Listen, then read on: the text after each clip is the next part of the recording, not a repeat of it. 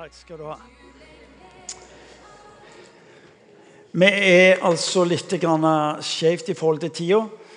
Eh, men eh, jeg regner med dere holder, med, eh, holder følge et stykke til. Kvelden er jo fremdeles både ung og lys og alt det der. Bare et par ting som jeg gjerne vil nevne innledningsvis. Når dere ser Eirik og Nora og så tenker dere at eh, ja, det de gjør, det er uvanlig, og, og det er veldig spesielt. Men saken er den at uh, hvis du leser Kirka sin historie, så vil du oppdage at det de skal gjøre, var egentlig slik som Kirka fungerte. Uh, den første kristne tida så, så, var de lite opptatt med både prester og bygninger og orgel. De var opptatt med én ting.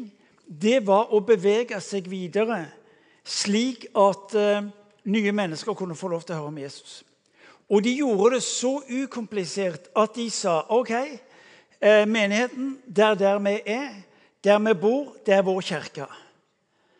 Uh, slik at når Imi-kirka nå snakker om huskirke, så er ikke det sånn en nymotens greie som en eller annen strateg har funnet på. Det er egentlig å finne tilbake igjen til det mønster og den måten å leve kirka på som urkirka gjorde i sin tid. Og Det interessante er at du oppdager gjennom kirkas historie på ulike måter og tidspunkter hvordan nettopp dette var nøkkelen. Eh, historikerne eh, viser hvordan f.eks. Eh, eh, i Kina, etter at revolusjonen brøt igjennom i, i, eh, etter krigen, og alle vestlige prester og professorer ble lempa ut og kirka stengt, så fortsatte kirka å leve sitt liv ved at den fortsatte å leve et liv i de ulike hjemmene. Og Her kommer utfordringen til deg. Det er at det er godt mulig Gud kaller deg til å reise fra Stavanger til et nytt sted. Så må du ikke bare tenke at ok, nå må jeg få meg en jobb eller et eller annet. Fordi at der du kommer til, i ditt hjem, har Gud tenkt at du skal starte huskirke. Ja, men hør nå, Martin, jeg kan ikke det, osv. Jo, det kan du det.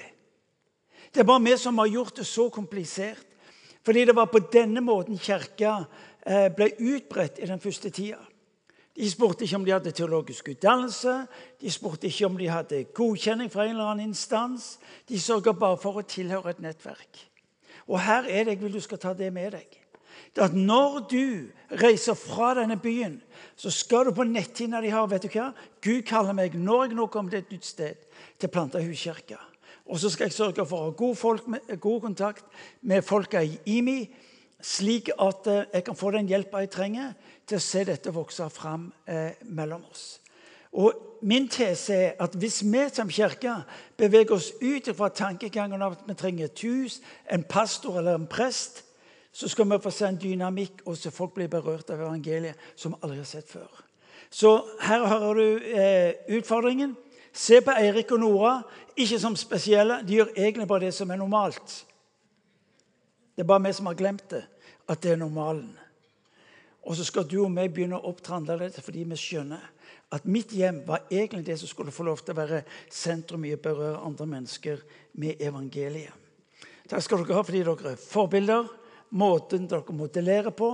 Og så gleder jeg meg til å se hva som skjer i tida som kommer.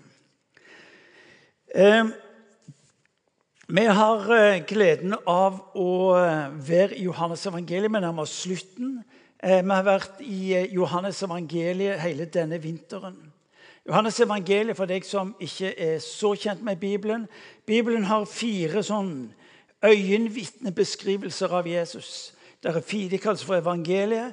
Og disse ulike evangeliene gir sine ulike bilder av hvem Jesus var. Hva han gjorde, hva han sa, og hva han representerte. Og Vi har denne vinteren plukka ut ett av disse evangelieskriftene, slik at vi kan ha en nærhet til og en dypere forståelse av det vi har møtt eh, gjennom eh, vitnesbyrdet om Jesus Kristus. De siste fem kapitlene, fra kapittel 13 til kapittel som skal innom i dag, kapittel 18, så møter vi Jesu avskjedsord. Og Vi pleier å si det slik at det som ligger på et menneskes hjerte på slutten av ens liv, det er viktig for oss å få tak i. disse siste kapitlene er det at Jesus tar dem inn på dypet av det som han vil de skal ta med seg. Han snakker om å være tjenere for hverandre og tjenere for denne verden. Han snakker om å elske hverandre som han elsker de. Han forteller om Den hellige ånd som skal komme, og som han sier uten Den hellige ånd vil dere ikke kunne gjøre noen ting av det jeg har for dere. Han forteller også at tida som ligger foran dere, skal også være en tid preget av forfølgelse. Dere skal bli hata av verden, og dere skal bli utstøtt fra synagogen. Altså, summen er som de har fulgt meg, skal de forfølge dere. Men, sier han, eh, ikke vær redde, eh, fordi jeg er dere nær med Den hellige ånd. Be om hva dere vil, sier han, og så skal dere få det. I kapittel 17, og det er derfra vi skal gå, og så videre inn i kapittel 18. Han sier, I begynnelsen av kapittel 17 så sier han tiden er kommet. Gjennom tre år har altså Jesus levd med sine venner. Han har levd ut et liv i eh, Palestina på en måte som verden allerede har opplevd. Nå sier han tiden er kommet. Jesus visste hør nå, Jesus visste hva som skulle skje. Han er ikke offer for et spill som andre har regien på. Og Dette er viktig for oss å få tak i. For det er ikke slik som noen tror, at Jesus mista kontrollen, og så var det andre som tok over. Jesus eh, tapte ikke eller var ikke i den situasjonen hvor han måtte gi opp sitt, uh, sitt oppdrag. Timen var kommet. Han visste hva som kom, og han hadde valgt. Det er for deg og meg avgjørende viktig å få tak i. Fordi at når Kristus bryter inn i denne verden og handler for deg og for meg, så er det ikke spørsmål om tilfeldigheter. Gud handler. Da står det Jesus bryter inn i denne verden, så står det at i tidens fylde ble han født. Altså, Gud har gitt oss en tid hvor vi skal få lov til å forholde oss til. Blant annet en tid hvor vi nå tas inn i den vandring som Jesus har imot korset. Gjennom hele sin tid Gjennom hele sin tid så er Jesus bevisst på det oppdraget, karakteren, retning som dette har for livet hans. Og han tar oss inn i, du og meg, inn i å tenke og leve på samme måten. For hvis ikke så styres du og meg av omstendigheter og tilfeldigheter. Det er nesten som det ligger dypt i en guddommelig måte å handle med mennesker på. Du skal ikke la deg styre av omstendighetene. Men du skal få lov til å være den som møter omgivelsene, omstendighetene, med en indre kraft og med en indre motor som gjør at du ikke lever etter omstendighetene, men foran omstendighetene. Gjennom hele sin tid så stopper han ikke Han lar seg ikke stoppe av andre. Ei dame roper etter han og sier, 'Du, Davids sønn.' Og så sier han, 'Jeg kan ikke.' Jeg er på vei mot et mål. Det kommer ei tid hvor Peter sier til ham, hør nå, du må ikke gjøre dette her, fordi at da blir du jo tatt. Og Peter, Jesus sier til Peter, Peter, du skjønner ikke hva du snakker om. Du tenker på menneskelig vis. Mitt mål er å gi deg å tenke på Guds vis. Han lar seg heller ikke stoppe av seg sjøl. I hagen i, i kapittelet lenger ute så sier han, Herre, la din vilje skje. Det er et punkt i Jesu liv hvor han også sier nei til seg sjøl, fordi han er en del av en overordna tenkning, et overordna mål. Og Litt lenger ute i kapittel, 17, nei, kapittel 18, når eh, Peter begynner å fikse opp i sakene, så sier han, 'Peter, vil du hindre meg å tømme det beger som Gud har for meg?' I tre år møter altså disiplene og områdene i Palestina et gudsrike nedslag som kloden aldri hadde møtt før eller senere. Det Guds bokstavelige kyss for en klode. Nå skulle tiden inne. Nå skulle prisen, offeret for en permanent tilstand av Guds rike, av Guds himmel på jord, den skulle betales. Og det er det vi nå er på vei inn i. Og så leser vi fra kapittel 18. Det er tre scener i kapittel 18. Det ene er Jesus i hagen, hvor møtet med Judas, hvor møtet med soldatene og hvor disiplene eh, rømmer. Det andre bildet, Den andre scenen er at Peter som fornekter Jesus. Og så det tredje Jesus i møte med den religiøse og verdslige makta. Timen er kommet. Da Jesus hadde sagt dette i kapittel 18, gikk han ut sammen med disiplene sine. De gikk over Kedronbekken og inn i en hage som lå der. Judas, han som forrådte ham, kjente også til stedet, for Jesus og disiplene hadde ofte kommet sammen der. Judas hentet nå vaktstyrken og noen av overprestene og fariseernes vaktmenn. Og de kom dit med, med fakler, lamper og våpen. Jesus visste om alt som skulle skje med ham. Han gikk fram og spurte dem, 'Hvem leter dere etter?' Jesus fra Nasaret svarte de, 'Det er jeg', sier Jesus. Judas, han som forrådte ham, var også der sammen med dem. Da Jesus sa 'det er jeg', rykket de tilbake og falt i jorden. Igjen spurte han dem, 'Hvem leter dere etter?' Jesus fra Nasaret, sa de. 'Jeg har sagt dere at det er jeg', sa Jesus. 'Leter dere etter meg, så la disse andre gå.' Slik skulle ordet bli oppfylt som han hadde sagt. Jeg har ikke mistet en eneste av dem du ga meg. Simon hadde et sverd. Han trakk det, hogg etter øversteprestens tjener og kuttet det høyre øret av han. Tjeneren het eh, Malkos. Men Jesus sa til Peter, stikk sverdet i sliren. Skulle jeg ikke tømme det begeret min far har gitt meg? Rent ytre sett er det første du skal legge merke til. Rent ytre sett virker det som nå er det endelige nederlaget for Jesus. Det er et faktum. Massene, tusener, hadde forlatt ham. Der i hagen er de en liten flokk med noen forskremte eh, etterfølgere. Noen få tilhengere var igjen hjelpeløse i møte med den religiøse og verdslige overmakta. Jesus virker det som, har mista kontrollen. Noe, noen vil si at Jesus hadde mista grepet på det som nå skulle si. Eller var det nettopp han som har kontrollen? Hvorfor er dette så viktig? Jo, fordi når du og jeg er i situasjoner sammen med han, og vi opplever at situasjonen vår er ute av kontroll, så sier han vær ikke bekymra. Tro på Gud og tro på meg. Når når situasjonen oppstår, at han spør hvem er dere leter etter, så blir de forfjamsa. Jo, det er Jesus fra Nasaret. De visste jo hvem han var, allikevel så så de han ikke. Jesus hadde anledningen til å trekke seg tilbake. Jesus hadde anledningen til å skli unna.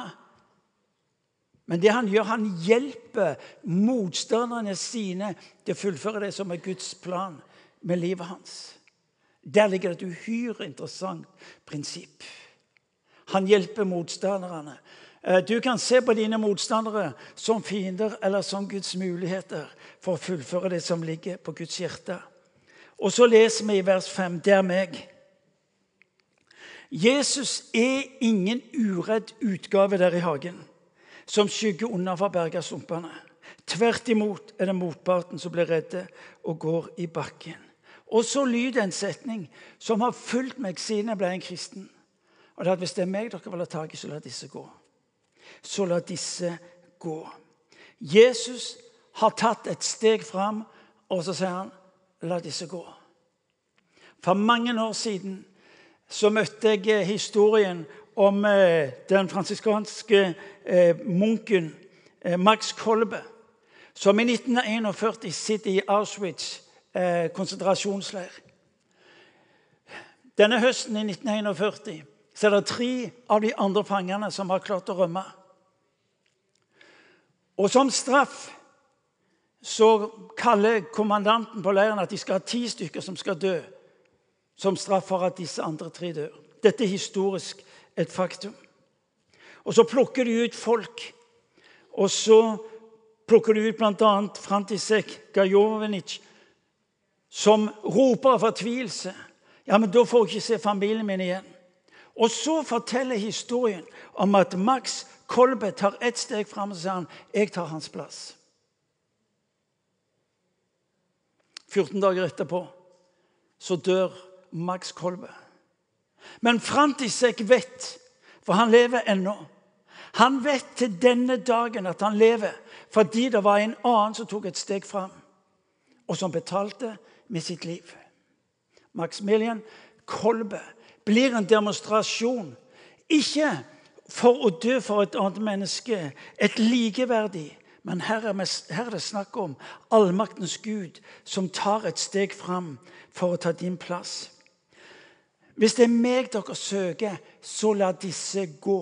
Du og meg, vi, vi har forståelse for at noen vil dø i stedet for, for de som fortjener det. Vi har forståelse for at noen tar plassen for de som enten har bestemt posisjon, har gjort noe som har betydning, eller de står oss nær. Når Jesus sier 'Det er meg', men la disse gå Hvem er det han dør for? For saken er den at Jesus dør ikke for de som fortjener å bli spart. Igjen og igjen så slår det meg at den gjengen han sier 'ta meg, så la disse gå', det er jo de som ikke fortjener det. Av apostlene som var med han, så var det jo en gjeng av feiginger. Det var en gjeng som var mer opptatt med å få sin egen posisjon, som var opptatt med å berge sitt liv, som litt seinere fremstår som, som hyklere og som løgner. Hvem er disse som Jesus sier 'ta meg og la de gå'? Og du og meg er flinke på å sortere. Du og meg er flinke på å finne ut hvem som fortjener det gode, eller osv. Jesus sier, 'Er det meg, så la disse gå.' Og de han har rundt seg, det er de som ikke fortjener det. Når du og meg tenker på mennesker, våre holdninger til dem, vår måte å forholde oss til på det, så skal du vite at Jesus ser annerledes på de mennesker rundt deg som du ikke kan fordra, som du opplever ikke holder mål, eller som du tenker ja, de får som de fortjener så skal du være klar over han ser annerledes, annerledes rundt. Hvis det er meg dere vil ha, seg der, men la disse gå. I det øyeblikket folkens, i det øyeblikket faller egentlig dommen. Det som skjer av tortur, det som skjer på korset, er egentlig konsekvensen av at Jesus tar et steg fram og sier 'Det er meg' men la de gå. Det er det øyeblikket den siste vandringen starter. Det er når han sier 'om deg og om meg, la disse gå'. Dette er, om du vil, kristendommen i en sum. La disse gå. La disse gå. Og så går han inn under den dommen som du og meg skulle hatt. Den går han under for at du skal slippe han. Og det er dette som er noe av det tragiske. Det er mennesker som sier nei. Jesus går inn i en stedfortredende død som sprenger alt. Han ikke bare dør i ditt sted, han blir deg. Én ting å dø for de som fortjener det. Han dør for de som ikke fortjener det. Ja, Han ikke bare dør for de, men det står han blir gjort til synd. Det betyr Få tak i dette. Alt det du representerer av synd, blir hans. Han kan ikke si ja, det var Martin sitt. Nei, det er mitt. Av alt det du er i stand til å fantasere om ondskap, av det motbydelige, av det som du syns er ubegripelig vondt blir hans. Og i det øyeblikket hvor han sier 'jeg tar det', så er det hans. Og han vil aldri lenger i evig kunne si 'ja, det var Martin sine synder'. Nei, det var Jesus sine synder. Da står han blir gjort til synd. Det er ikke Jesus som primært dør på et kors, men det er du og meg. Og Det står at det hang, de hang en lapp på korset om hva som var hans forbrytelse. Den lappen det, det er en oversikt på ditt liv. Og dette er noe av det som er det sterke når vi møter Jesus som går inn i vårt sted. Han ble gjort til synd. Han ble gjort til synd for at du og vi skulle slippe fri. I det ligger din redning. Det kalles nåde. Det kalles nåde. Hva er nåde? C.S. Lewis ble i sin tid spurt om hva er forskjell på de enkelte og ulike religionene. C.S. Lewis har et svar. Han sier det er nåde. Nåde er ikke hva vi har gjort for Gud, men hva Han har gjort for oss. Og det er ikke det som menneskene normalt sett tror. Nordmenn tror at de får som de fortjener. Spør mennesker om hva de må gjøre for å komme til himmelen, så vil de svare normalt sett vær snill. Men det eneste vi trenger å gjøre for å motta nåde, det er å rope om Guds hjelp. Teologen Karl Barth sa det glimrende og så treffende at den enkleste definisjonen på Gud er Han som elsker. Når du og meg møter i kapittel 18 Johannes evangeliet 1, så sier vi du hva? Det er meg. La disse gå. Så får du bilde av en Gud som elsker. Jesus ga ikke beretningene og lignelsene for å lære oss hvordan vi skulle leve, men fordi at vi skulle få bildet vårt av hvem han er, korrigert, og se hvem Gud elsker. Det er mulig du ikke hører meg riktig. Men denne Bibelen er ikke primært gitt for at du skal forandre ditt liv, men fordi du skal få øye på hvem Gud er, og hvem han vil være i ditt liv. Får du tak i det? For hvis du leser denne Bibelen som en håndbok for et forandra liv, så starter det med det du skal forandre. Satt på spissen, Det er ikke Guds anliggende for ditt liv. Han er opptatt med å gi deg et bilde av hvem han er, hvem han vil være i ditt liv, for gjennom det se at ditt liv forvandles. For da starter det ikke med det som du ser skulle vært forandra, men du starter med han som forandrer.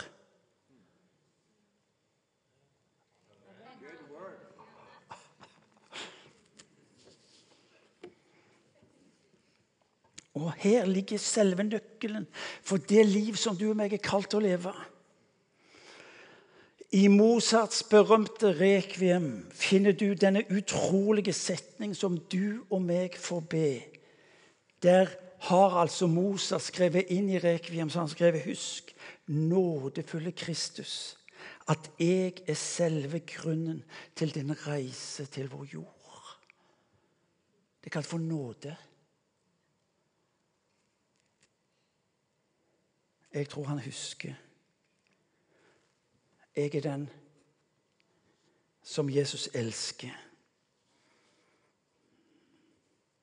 Kristus har tilgitt selve det utilgivelige hos deg. For nåden opererer med Det er ingen grenser. Så skal du og meg få lov til å bevege oss inn i Guds uendelige nåde. Bare ved å leve i strømmen av Guds nåde vil du og meg finne kraft til å møte andre med Guds nåde. Hvorfor er denne verden som den er? Fordi den takler ikke nåden. Vi lever i en nådeløs verden. Og denne verdens grunnleggende rop er nettopp et rop etter nåde.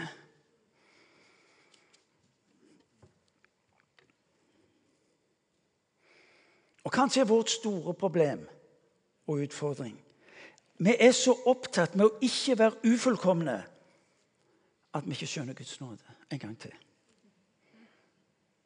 Vi er så opptatt med ikke å være ufullkomne at vi ikke skjønner Guds nåde.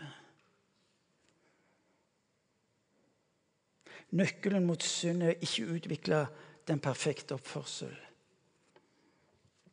men det å kjenne Gud.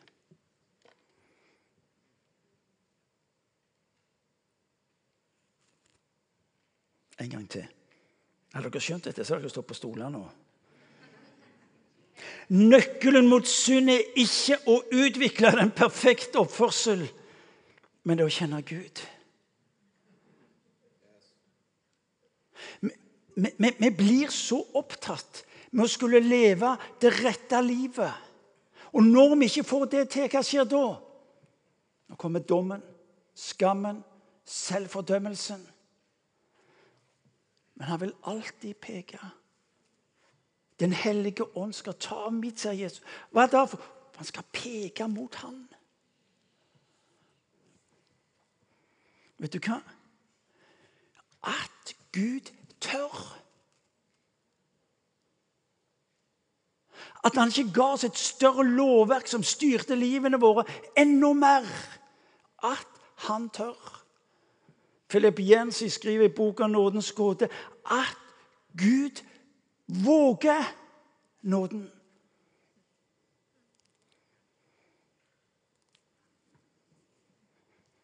Jeg husker jeg kjørte drosje mange år siden. og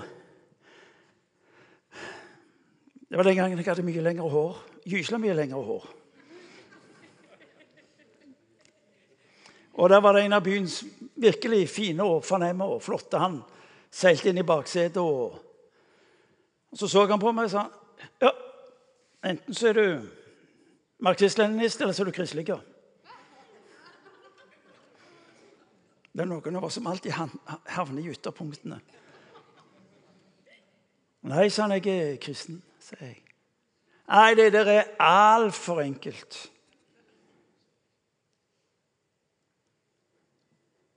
Så tenkte jeg, kjære Gud, hva svarer jeg nå? Du kan bare synde, så kommer du tilbake til denne guden, så alt er i orden. Så jeg tenkte, hva, kjære Gud, hva sier jeg nå?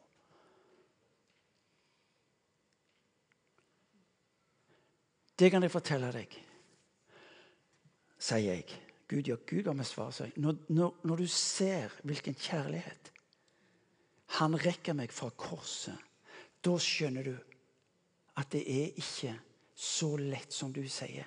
For det er så vanskelig å synde mot Han som elsker. Stopp, sjåfør. Dette har jeg aldri tenkt på.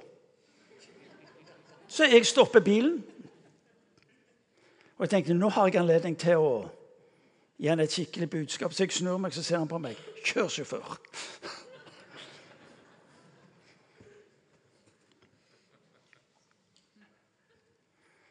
Nåden er gratis, for han som gir den, har sjøl betalt kostnadene.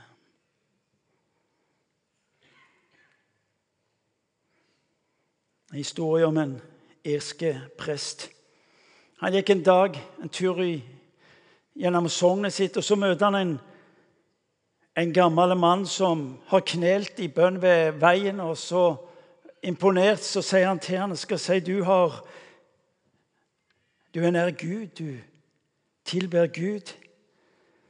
Skal si du lever nær til Han. Og Så står der, sier historien den gamle ser opp, tenker litt, og så sier han smilende ja, Gud er veldig glad i meg.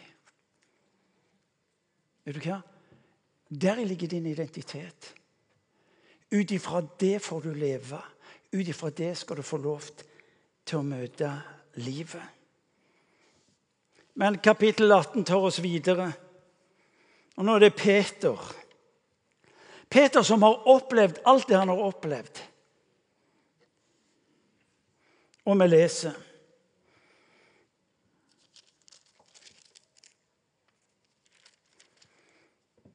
Vaktstyrken, kommandanten og jødenes vaktmenn grep nå Jesus, bandt ham og førte ham til Annas. Og så går vi litt lenger nedover. Simon Peter og en annen disippel fulgte etter Jesus. Den andre disippelen kjente øverstepresten. Han kom inn på gårdsplassen foran øversteprestens bolig sammen med Jesus, mens Peter ble stående utenfor ved porten. Disippelen som kjente øverstepresten, gikk ut og snakket med tjenestejenta eh, som voktet porten, så Peter fikk komme inn. Da sa tjenestejenta til Peter, 'Er ikke du også en av disiplene til denne mannen?' 'Nei', svarte Peter. 'Det er jeg ikke.' Det var kaldt, og tjenerne og vaktene hadde tent et bål, sto der og varmet seg ved glørne. Peter sto også og varmet seg sammen med den. Og Så forteller historien at han fornekter Jesus tre ganger. Til slutt så banner han på at han ikke kjenner Jesus. Midt oppi dette voldsomme dramaet så henter altså Bibelen fram beretningen om Peter. Og beretningen om Peter den kom fra Peter sjøl. Peter har fortalt Johannes eh, Historikerne mener at nei, eh, Johannes evangeliet er skrevet av en av Jesu disipler. Og Peter har altså fortalt denne historien til Johannes sjøl. Jeg syns det er interessant. Fordi Bibelen har aldri tatt mål av seg til å gi oss en sånn en blank utgave hvor alt har vist seg å være fullkomment. Bibelen eh, velger å vise oss et bilde av at de menneskene som går med Jesus, er mennesker som feiler. Og så møter vi Peter. Det er nesten patetisk. Det er totalt på tur. Han viser seg som den hjelpeløse. Men så vil han så gjerne rette opp. Eh, la oss gå litt tilbake. Vi møter to beretninger. Den ene beretning som jeg leste om Peter som bruker sverdet, og den andre gangen når han lyver. Typiske for Peter. Han, eh, han bruker sverdet. Og så tar han øra til ypperstepresten sin tjener Malkus. En som har sagt det slik det var godt han traff øra, ikke hodet. For én ting var å lete opp til øret han hadde kappa av. Det vært litt mer komplisert hvis han skulle finne hodet. Jeg bare tenk tanken.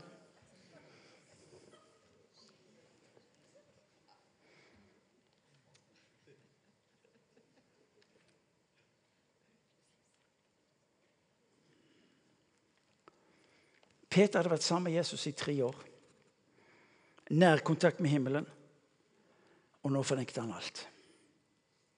Tragisk. Han styres av frykt. Det er en kamp om ditt og mitt liv. På den ene sida i å skulle forsvare seg med midler som Gud aldri har bedt oss om å forsvare seg med. Eller på den andre sida våge et språk, våge et liv som blir altså en forbannelse over alt jeg ønsker å stå for. Og så lever en i denne spenningen. Det som får oss til å trekke oss unna. Frykten, ytre trykk, grådigheten, skuffelsene våre. Hør nå. Peter gjorde alt det du og meg ble sagt. Det der var feigt. Men daglig utfordres du og meg på det samme. Enten ved å bruke virkemidler som gjør at jeg kommer klar, eller jeg velger en type liv som ikke holder mål. Peter valgte et nytt møte med Jesus. Beretningen forteller at Jesus møter han seinere. Og det Jesus spør Peter om, elsker du meg, Peter? Peter våger å tro at han elsker fordi han sjøl elska først. Han våger å tro at han elsker Jesus fordi han er elska først. Peter velger et nytt møte med Jesus og arver himmelen. Judas ble værende i sitt nederlag og brudd med Jesus og arve helvete. Hør. Jesus ser hva han har skapt deg til å bli, ikke hva som er dagens status. Når du og meg er opptatt med å ha regnestykker på egne liv, når du og meg er opptatt med å ha regnestykker på andres liv, så ikke gjør det. Men våg å se på livet ditt som Jesus ser på ditt liv, som han har skapt deg til å skulle bety hva du skulle få lov til å være i denne verden. Det er to forskjellige regnestykker. Den tredje scenen, som jeg bare skal kort eh, eh referere til Jesus ble nå ført fram for de religiøse lederne, og han ble ført fram for den verdslige lederen. Og nå tas han. Eh, og Jesus blir konfrontert i, vers 19 i kapittel 18. Øverste presten spurte nå Jesus ut om disiplene hans, om læren hans. Jesus svarte, 'Jeg har talt åpent for hele verden.' Jeg har alltid undervist i synagoger i tempelet, der alle jøder kommer sammen. Aldri har jeg talt i det skjulte. Men hvorfor spør du meg? Spør heller dem som har hørt meg, om hva jeg har talt til dem. De vet hva jeg har sagt. Jesus i møte med de religiøse lederne er ikke en henvisning til teologi, men en henvisning til hva mennesker har opplevd sammen med ham. Og du får tak i hva vitnesbyrdets betydning. Hva sier folk om meg etter deres møte med meg? Og kanskje er det tankevekkende for Kirka på generelt grunnlag å si Jesus ja, sier folk, men Kirka nei. Det er en drive, en lengsel i mennesker etter å få, få et forhold til Jesus som kanskje er langt mindre komplisert enn det vi er klar over. Jeg har ennå til gode og jeg føler snart 65 år, har jeg ennå til gode å høre noe negativt om Jesus. Men det er ganske mange bøker som kan skrives om Kirka og alt det den representerer. Hør, sier Jesus til de som vil ta ham. Hør hva vitnesbyrdet om meg er. Dere har hørt meg si det mange ganger. Hva er vitnesbyrdet som du og meg får lov til å gi ut? Hva vi driver på med denne kirka, folkens, er i større eller mindre grad totalt irrelevant og uinteressant. De ønsker og lengter etter å høre om denne Jesus. Når Jesus blir tatt, så løfter han fram Hør hva vitnesbyrdet om meg er, og dere vil tro. Kirka, du og jeg er kalt til å være Han i denne verden. Som Han er, er vi i denne verden, sier eh, Bibelen. Vi er Jesus i denne verden. Han ble en trussel mot det etablerte. Og kanskje må vi våge å være noe av det samme. Ingen av oss ønsker å bli tatt. Ingen av oss ønsker å bli sånn fronta på å være sær. Men jeg tror at der hvor kirka, dvs. Si du og meg, våger å være en Kristus, et Kristusvitne i denne tida, eh, i denne verden, så vil vi også bli en trussel mot det bestående. Han ble en trussel mot etablert religionsvesen. Egentlig ikke mot den etablerte læren. Men så går det videre til Pilatus, og du er konge, du. Pilatus får nye bilder med hensyn til denne kongemakten. Og så, så avviser Jesus han, og så sier han eh, eh, Min konge, kongsmakt, sier han i vers 36, er ikke av denne verden. Var min kongsmakt av denne verden, hadde mine menn kjempet for at jeg ikke skulle bli overgitt til jødene. Men min kongsmakt er ikke herfra. Du er altså konge, sa Pilatus. Du sier at jeg er konge, svarte Jesus. For å vitne om sannheten er jeg født, og derfor er jeg kommet til verden. Vær den som er av sannheten, hører min røst. Hva er sannheten? Få tak i dette av sannheten. Den som er av sannheten, altså den som er av Gud, hører min røst. På det personlige plan. De hører min røst. Ikke en blind lydighet, men ut ifra relasjon. Jesus sa i kapittelet før 'Bli i meg, så blir jeg i dere'. Bibelen har aldri kalt oss til blind lydighet. Bibelen har invitert oss inn i relasjonen slik at Guds trone og Guds livet vårt og Guds vandringen skulle få lov til å være prega av den relasjonen vi har med han. Pilatus styres av frykt, leser vi i kapittel 19. Og så velger han en løsning som berger i øyeblikket, men som skal plage han resten av livet. Kona kommer til han og sier du må ikke ha noe med han her å gjøre. Han er spesiell.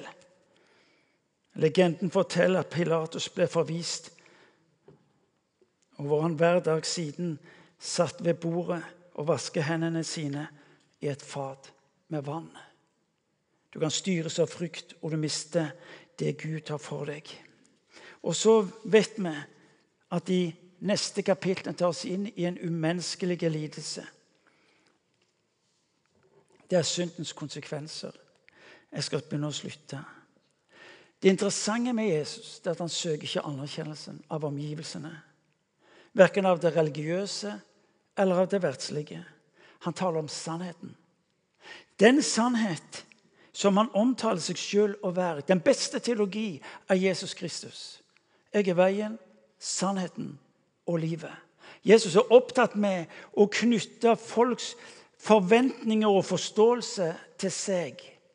Ikke til et religionsvesen som måtte representere nokså mye ulikt, ulikt og sært. Så hva lærer vi av dagens tekst? Jo, vi lærer at Jesus gir seg sjøl. Er det meg dere søker? så la disse gå. Hvordan leve i dette? Jo, vel la han få lov til å vise deg hvem han er. Denne verden lengter etter nåde, men den drikker på feil steder.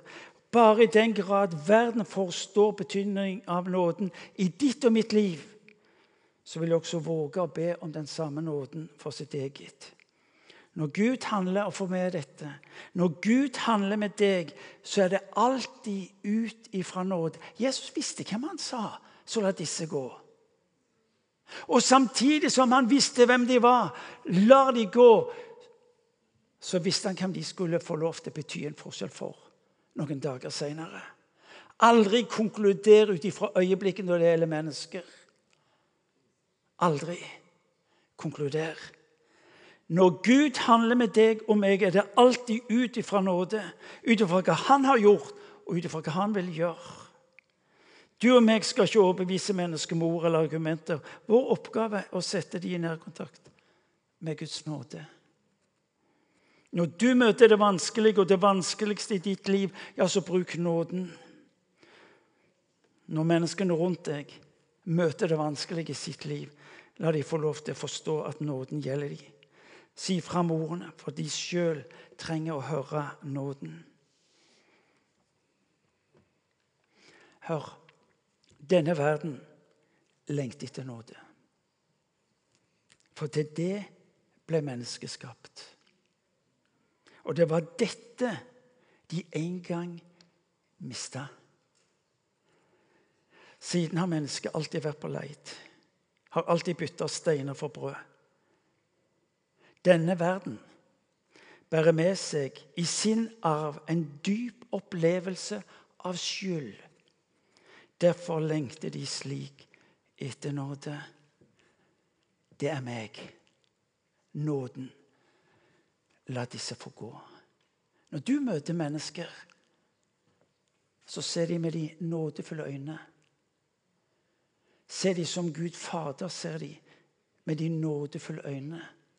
Fordi han kjenner deres rop etter nåde. Du og meg er de eneste som kan gi den videre til dem. For deg som ikke er en kristen, som er her inne Han har tatt din plass. Din dom. Gud er ingen hevngjerrig Gud. Gud søker ikke menneskers straff. Han søker menneskers frelse og frihet nettopp ved å ta straffen. De som takker nei til ham, må ta straffen sjøl. Det skal du slippe. Det er for korset. La oss reise oss og la oss be.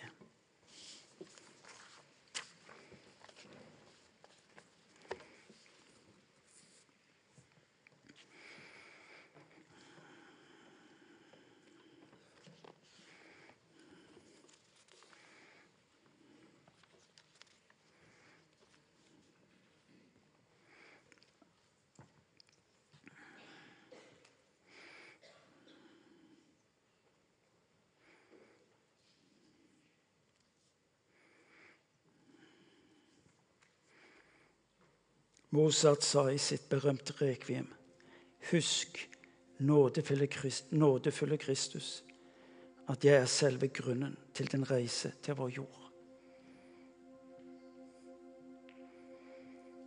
Min bønn for deg og for meg i kveld det er at du og jeg skal få lov til å se at dette er det han skjenker oss når du leser teksten.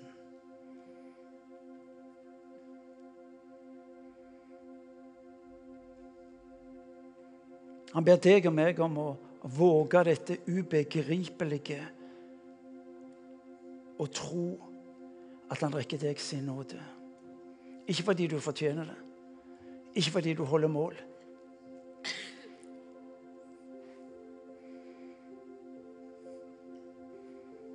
Er det meg dere søker, så la disse gå. Jeg har de siste dagene kjempa litt med ordet tro, fordi at eh, tro blir av det så komplisert og vanskelig for oss. Det blir sånne intellektuelle greier. og Så vet jeg ikke om jeg tror rett eller tror nok eller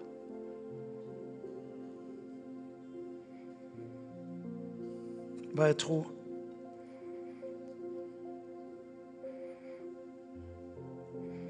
tro er dette enklere å, å skulle få lov til å si Jesus, la meg få være hos deg.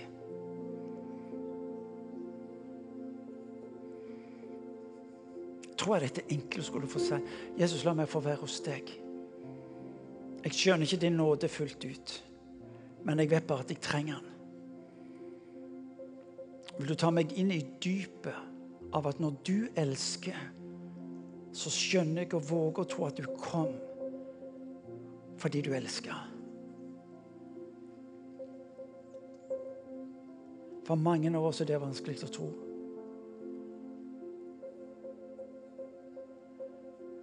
Jeg har en dyp, dyp bønn i hjertet mitt for oss som er her i kveld. Det er at du skal få lov til å bytte loven ut av hjertet ditt og våge å tro nåden. Fordi at de som bor i landet vårt, de tror at jeg kan komme til Gud hvis jeg bare oppfører meg skikkelig. Gjør det som er godt. Ikke gjør noe som er galt. De lengter etter å møte nåden i ditt og mitt liv. En nåde som sier jeg elsker fordi jeg elsker. Og jeg kan ikke la være å elske fordi jeg elsker. Hvor min nåde og min kjærlighet ikke er avhengig om du forstår det eller behersker livet, men fordi jeg elsker.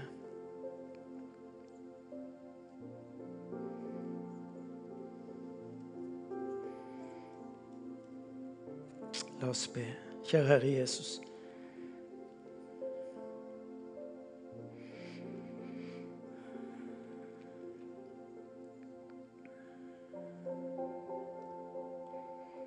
Jeg ber du skal komme til den enkelte av oss. Så ber jeg om at du ved din ånd skal fylle oss med Herre med din, denne sannhetens ånd. Om hvem du er, hvem vi er. Far, jeg ber du skal rydde vekk her alt det vi har klart å konstruere av kristendom, ikke minst dom. Far, jeg ber du skal komme til oss og rense oss ifra alt det vi tror ligger der av krav fra deg for å få lov til å tilhøre deg. Far, jeg ber om et gjennombrudd i våre liv, den enkelte. Hvor vi våger å tro at av nåde er vi frelst. Har ikke med oss å gjøre, men fordi du elsker. Far, jeg ber du skal forløse en, en nådes vekkelse, Herre Jesus, i våre liv.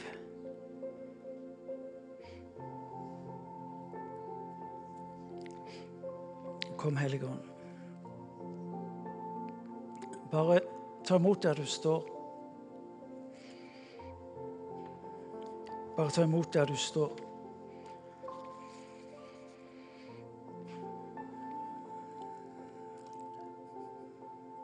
Kom, Hellige Ånd. Du som er kjærlighetens ånd.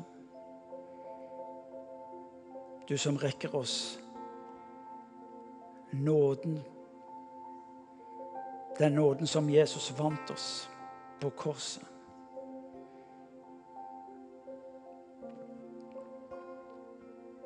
Far, jeg du skal fylle vårt sinn, Herre Jesus, med nådens erkjennelse.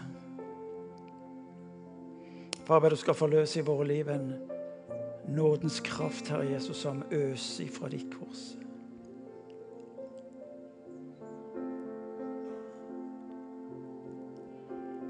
Far, du skal forløse i oss en nådefull frimodighet, fordi det handler ikke om oss, men det handler om deg.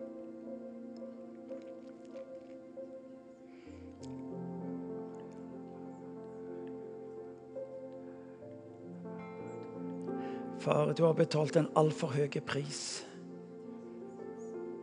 for at vi skal drepe oss surre og tulle med din nåde. Så jeg ber, far, ber for meg sjøl, ber for oss som er dette rommet at du skal forløse denne nådens vekkelsen som åpna øynene våre og overbeviste oss om at det du, Jesus, gjorde, det var ikke bare nok for et regnestykke, Men det var det du riktet oss for at vi skulle få lov til å komme tilbake til far. Vi tilber og opphøyer ditt navn, Jesus. Amen.